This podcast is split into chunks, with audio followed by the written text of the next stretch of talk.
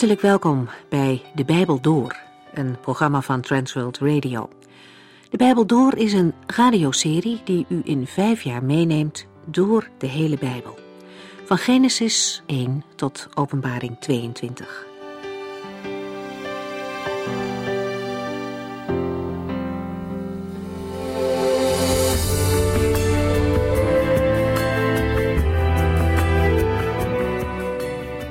Komende tijd lezen we het boek van de profeet Jezaja. Hij mocht de woorden van God doorgeven aan het volk Israël. En in die woorden zien we het hart van God.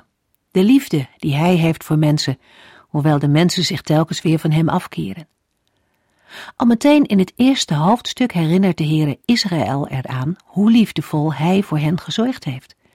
Een betere vader met een hoofdletter V konden zij zich niet wensen. En toch wezen ze hem weer af.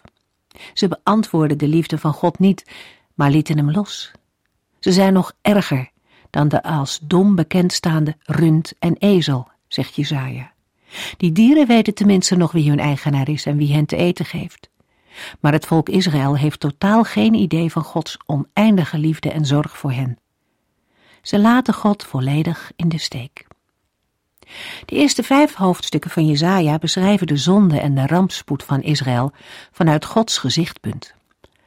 Het aanwijzen van de fouten gaat bij God echter altijd samen met een oproep tot bekering en de belofte van herstel wanneer mensen teruggaan naar de Heere God. De Heere ziet uit naar een nieuwe start wanneer mensen gezondigd hebben. Dat gold voor Israël en het geldt ook voor ons. De Heer is genadig en hij wil graag vergeven, zodat wij dicht bij hem kunnen leven. De naam Jezaja betekent de Heere red, wat heel toepasselijk is, gezien de inhoud van dit Bijbelboek. De naamgeving in het Oude Testament weerspiegelt vaak de opdracht en de levenstaak van de persoon die die naam draagt. In het Bijbelboek Jezaja wordt duidelijk dat de Heere red van vijandige volken en dat de Heere red van zonde. Jezaja begint met de aanduiding in welke periode hij zijn visioen heeft gekregen. De eerste hoofdstukken spelen zich af tijdens de regering van koning Uzia van Juda. Hoofdstuk 7 tot en met 14 horen wellicht bij het koningschap van Agas. De andere hoofdstukken kunnen we niet met zekerheid aan een koning koppelen. Wij lezen nu verder in Jesaja 1 vanaf vers 4.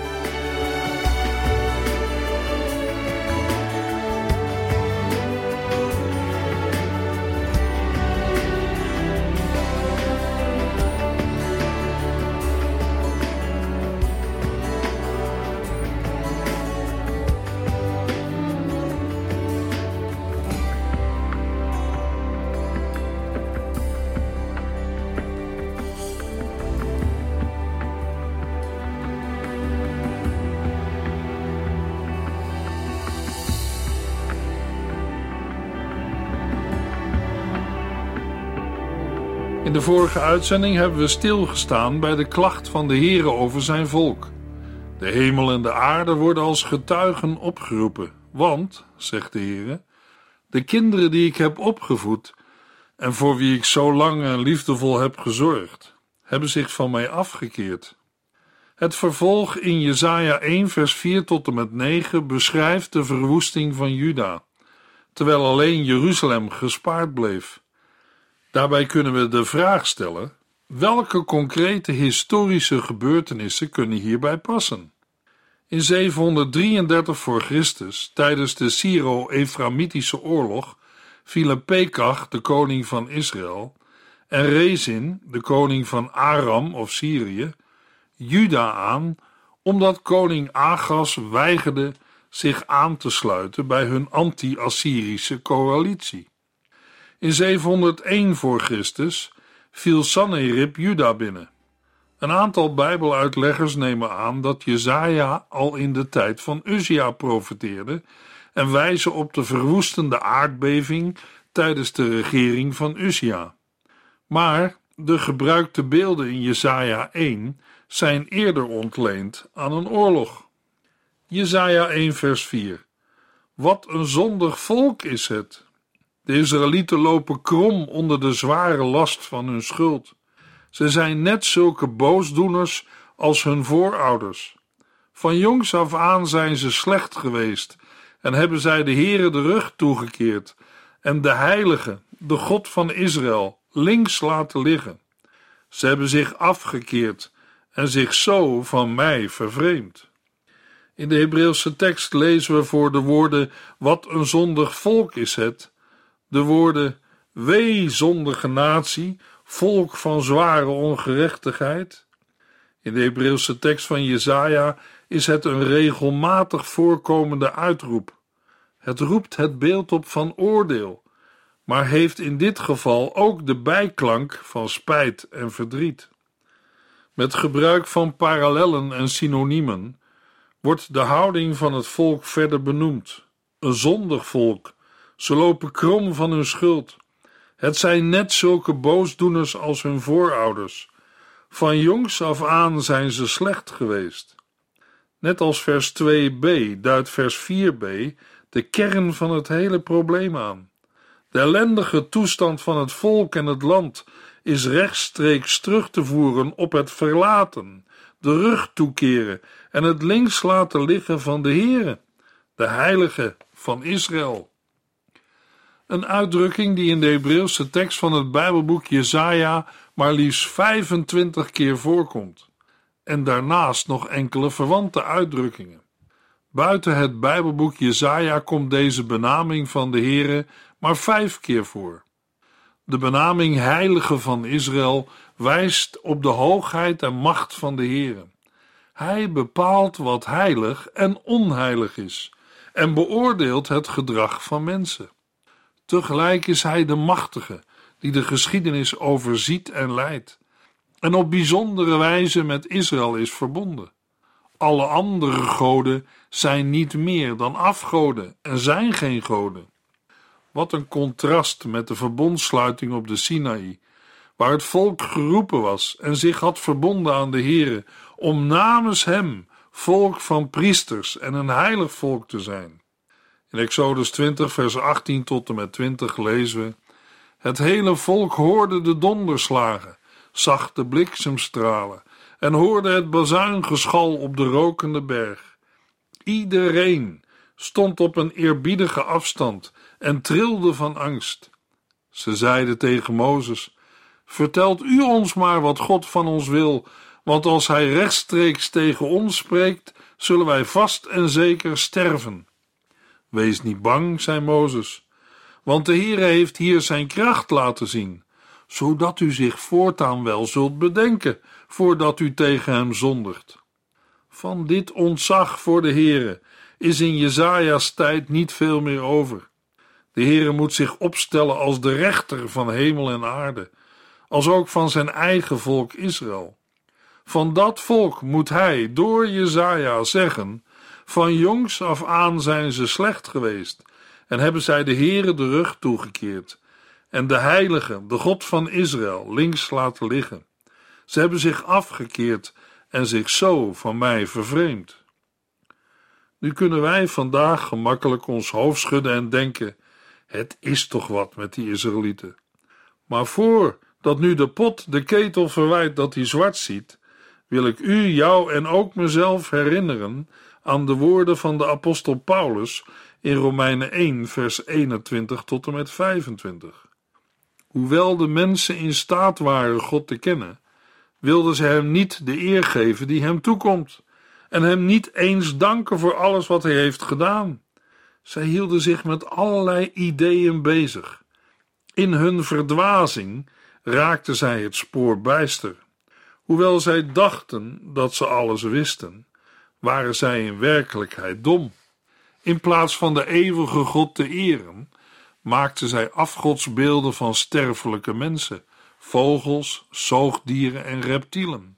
Daarom liet God hen een speelbal worden van hun eigen onreine begeerten. En zo gingen zij elkaars lichamen misbruiken en onteren. Zij ruilden Gods waarheid in voor de leugen. Zij vereerden de dingen die God gemaakt heeft, in plaats van God zelf. Hij is toch de maker? Hem komt alle eer toe, voor altijd en eeuwig. De profeet Jezaja en de apostel Paulus moeten beide constateren dat wij mensen van nature de Heere niet de eer geven die hem toekomt. Als de Heer in zijn genade, zijn volk en ook aan u, jou en mij zijn liefde laat verkondigen, dan is het onze verantwoordelijkheid om niet aan die liefde voorbij te gaan of links te laten liggen, maar met een gelovig hart zijn liefde te aanvaarden. De Heer heeft er alles aan gedaan om mensen niet verloren te laten gaan. Hij gaf zijn enige zoon. Hij offerde zich op in uw, jouw en mijn plaats, opdat wij niet van God verlaten hoeven te leven en te sterven. Zonder hem de laatste adem uit te blazen, is de grootste ramp die een mens op aarde kan overkomen. Jesaja 1, vers 5 en 6. O mijn volk, hebt u nog niet genoeg straf gehad? Waarom dwingt u mij steeds weer u te slaan? Blijft u dan altijd opstandig? U bent van top tot teen ziek en verzwakt, overdekt met wonden, striemen en builen, die niet zijn verbonden of met zalf zijn verzacht. In de versen 5 en 6 wordt het beeld gebruikt van een menselijk lichaam dat ziek is. De Heere wil er de toestand van Israël mee illustreren. Maar de aantasting gebeurt niet alleen door een ernstige ziekte, maar ook door wonden opgelopen vanwege een gevecht of oorlogsgeweld. Tragisch is dat die verwondingen op geen enkele manier verzorgd worden, waardoor er geen hoop op herstel en genezing kan zijn. De al in Leviticus 26 en Deuteronomium 28 aangekondigde vloek blijkt pijnlijk bewaarheid te worden. Maar er is ook uitzicht Jezaja spreekt meermalen over ziekte en genezing, zoals in Jezaja 30 en 38 en 53. In Jezaja 53 ondergaat de knecht van de Heere het lot dat Israël verdient en maakt het zo mogelijk dat Israël genezing ontvangt. Israël wordt beschreven als een zondig volk. Ze lopen krom onder de zware last van hun schuld.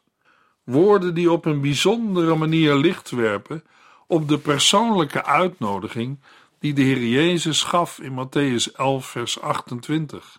Hij zei: Als de lasten u drukken en u vermoeid bent, kom dan bij mij. Ik zal u rust geven. Dat geldt ook voor mensen van Joodse afkomst. In Jesaja 1 vers 4 omschrijft de Heer nauwkeurig de toestand van Israël. Ze zijn afvallig geworden. Ze hebben de Heere de rug toegekeerd en de Heilige, de God van Israël, links laten liggen. Ze hebben zich afgekeerd en zijn zo van de Heere vervreemd. Na de beeldspraak van het zieke en gekwetste lichaam schakelen de versen 7 en 8 over op de schildering van een veroverd, verwoest en door vreemden bezet land. Jesaja 1 vers 7 en 8 uw land is één grote puinhoop. Uw steden zijn platgebrand. Terwijl u toekijkt, vernietigen en plunderen buitenlanders alles wat ze tegenkomen. U staat daar, hulpeloos en verlaten, als een hutje van een bewaker op het land, nadat de oogst is binnengehaald, even machteloos als een omsingelde stad. Ook in vers 7 klinkt de vloek door zoals beschreven in de wetgeving. Voor de woorden terwijl u toekijkt vernietigen en plunderen buitenlanders alles wat ze tegenkomen, staat in de Hebreeuwse tekst: Uw land is een verwoesting. Uw steden zijn met vuur verbrand. Vreemden verteren uw bouwland. Er is verwoesting als een omkering. De gebruikte term omkering zinspeelt op de verwoesting van Sodom en Gomorra. Opnieuw blijkt dat het onmogelijk is om gelukkig en zegenrijk het beloofde land te bewonen zonder een goede relatie met de Heere, de schepper van hemel en aarde. Vers 8 illustreert de situatie van verlatenheid en benauwdheid van het volk van God. In de Hebreeuwse tekst aangeduid met de woorden de dochter Sion. Met de dochter Sion wordt Jeruzalem bedoeld, de stad die op en rondom de heuvel Sion ligt, met haar bevolking. Oudere vertalingen hebben meestal dochter van Sion, maar vermoedelijk wordt de stad als een dochter voorgesteld. Over de betekenis van Sion hebben we in de psalmen gelezen. De illustratie die wordt gebruikt is het beeld van een verlaten bewakershut in een wijngaard of een hutje van een bewaker op het land. Beide zijn provisorische verblijfplaatsen, bedoeld om in de oogsttijd de rijpe vruchten te bewaken. Het gehavende Jeruzalem lijkt op een stad in staat van belegering, maar gelukkig, tegen de verwachting in, zijn het volk en het land nog niet compleet weggevaagd. Er is nog een lichtpuntje hoop, maar waaraan is het te danken dat Jeruzalem niet hetzelfde lot als Sodom en Gomorra te beurt is gevallen? Jesaja 1 vers 9 Als de Heere van de hemelse legers niet had ingegrepen om enkele van ons in leven te laten, dan zouden wij vernietigd zijn als Sodom en Gomorra. De reden is dat de Heere van de hemelse legers een klein overblijfsel heeft laten bestaan. Het is enkel te danken aan Gods genade dat Israël niet compleet werd uitgewist, terwijl het dat wel verdiende. De naam Heere van de hemelse legers wordt in Jesaja doorgaans gebruikt als de Heere de strijd aankondigt of aangaat om zijn bedreigde volk te verlossen. Bij strijdmachten of legers kan het leger van Israël bedoeld zijn, maar ook de hemelse strijdkrachten. Voor de woorden om enkele van ons in leven te laten, worden in de Hebreeuwse tekst twee woorden gebruikt, namelijk overblijfsel of rest. Paulus citeert Jesaja 1 vers 9 in Romeinen 9 vers 29. De woorden overblijfsel of rest zijn belangrijk in Jesaja. Gods ingrijpen om een overblijfsel over te laten is dan ook geen teken van zwakte, maar juist van zijn liefdevolle genade. Met deze hoopvolle verwijzing naar Gods genade sluit het eerste gedeelte af. In de Hebreeuwse tekst is dat te zien aan een afsluitingsteken. Jesaja 1 vers 10 Ja, dat is een goede vergelijking. Luister, leiders van Israël, mannen van Sodom en Gomorra, naar wat de Heere te zeggen heeft. Zet uw oren goed open. Maar hoe zit het dan met de godsdienstige inspanningen die het volk aan de dag legt? De voorgeschreven offers worden toch rijkelijk gebracht en de heilige feesten, vieringen en sabbat onderhouden.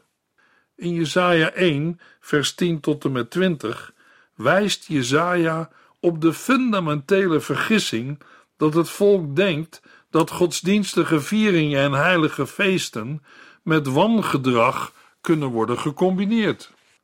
Dat dit de goedkeuring van de Heere niet kan wegdragen, blijkt al uit de woorden mannen van Sodom en Gomorra. Na de oproep van de Heer aan hemel en aarde om te luisteren, roept de profeet Jezaja nu de leiders van het volk op om te luisteren. Wat de zonde van Sodom en Gomorra betreft, wijst Ezekiel 16 op de zonde van arrogantie, vraatzucht en onverschilligheid tegenover armen en behoeftigen die gebrek leden zonder dat zij werden geholpen. Jesaja 1 vers 11 tot en met 14 Ik heb genoeg van al uw offers, stop er maar mee.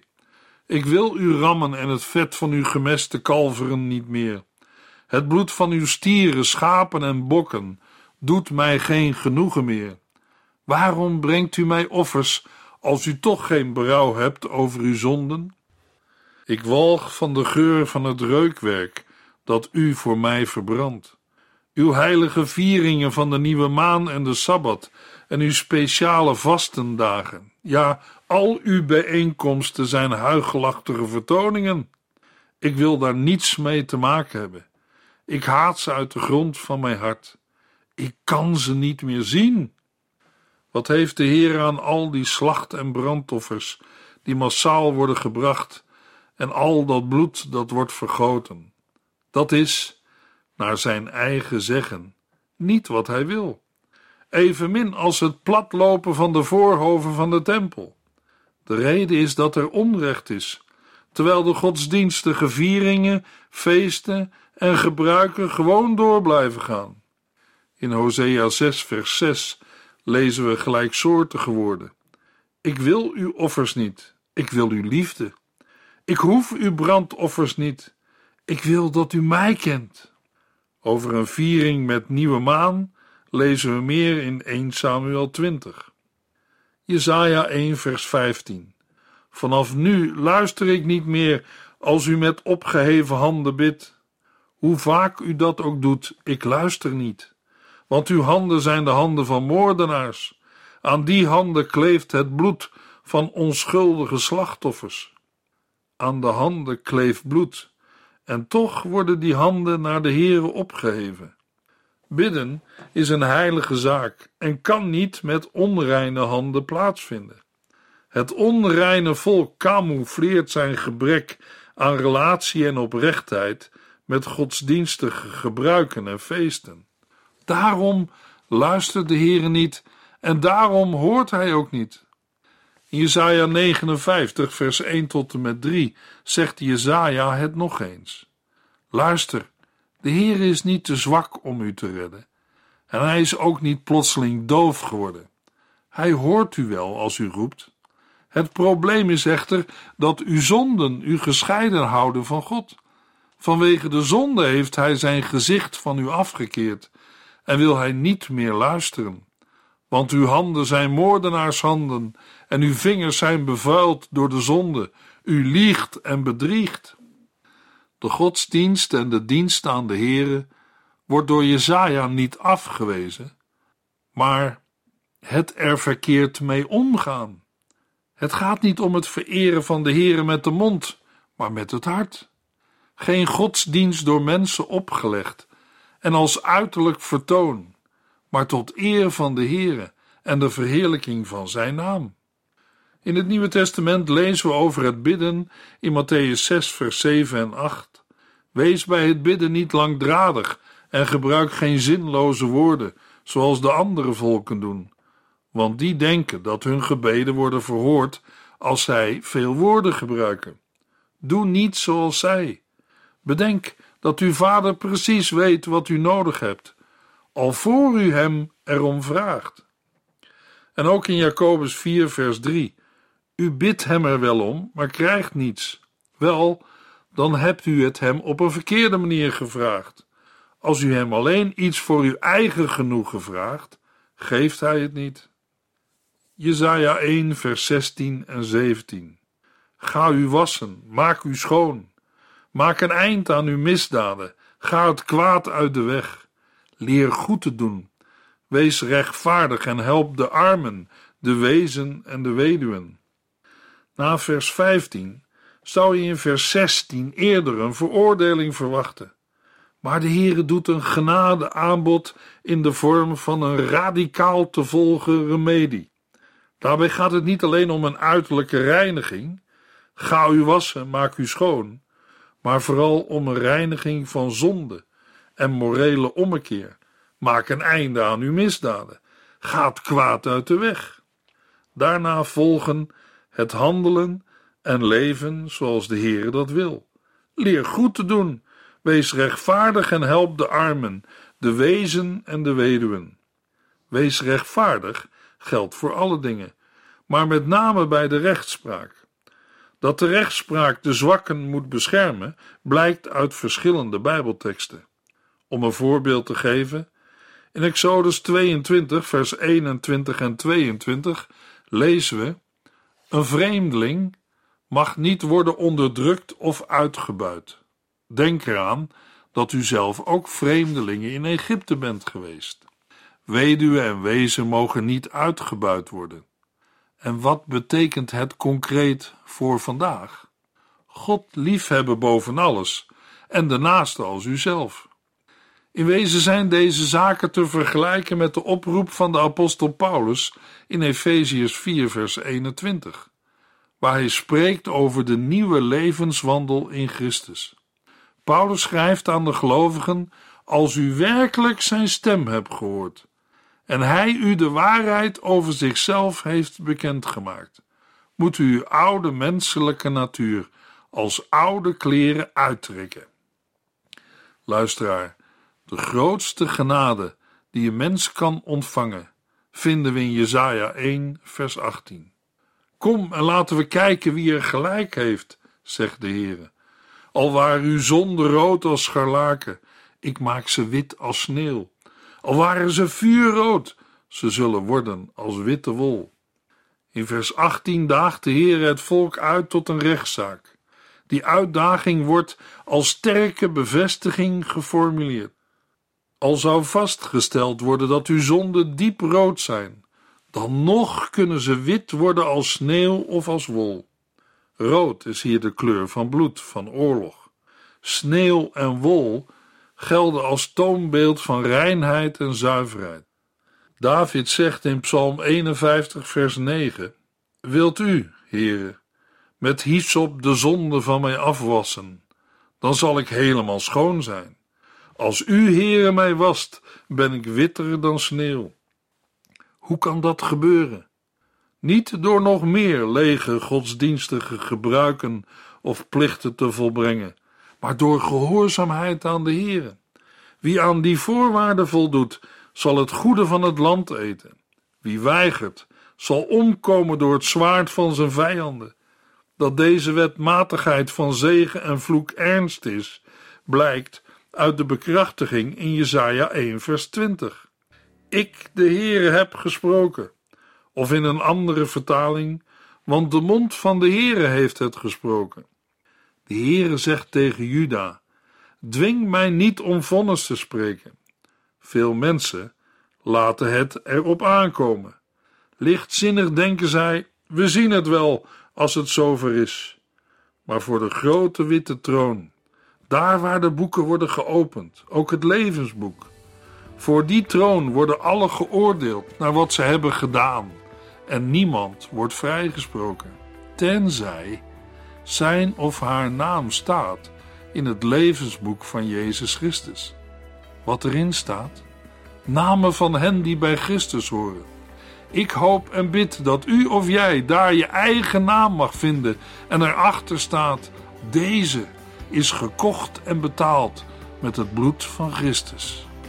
In de volgende uitzending lezen we Jesaja 1 vers 19 tot en met 2 vers 22.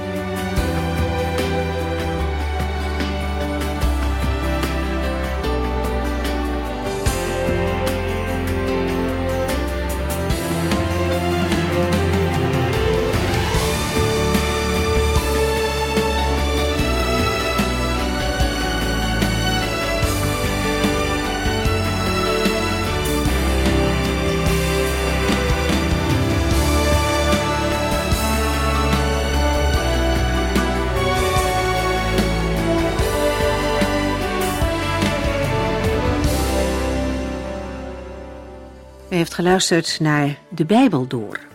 In het Nederlands vertaald en bewerkt door Transworld Radio. Een programma waarin we in vijf jaar tijd de hele Bijbel doorgaan. Als u wilt reageren op deze uitzending of u heeft vragen, dan kunt u contact met ons opnemen. Tijdens kantooruren kunt u bellen op 0342 47 8432. 0342 47 8432. 32. Ook kunt u een e-mail sturen naar de Bijbel door transworldradio.nl en natuurlijk kunt u ook via de post ons bereiken. TWR, postbus 371, postcode 3770, AJ in Barneveld. Dit programma werd gepresenteerd door Cor Weda en Ike André. Techniek was in handen van Odin van Woerdekom. En wij allemaal bedanken u voor het luisteren. Graag tot de volgende keer.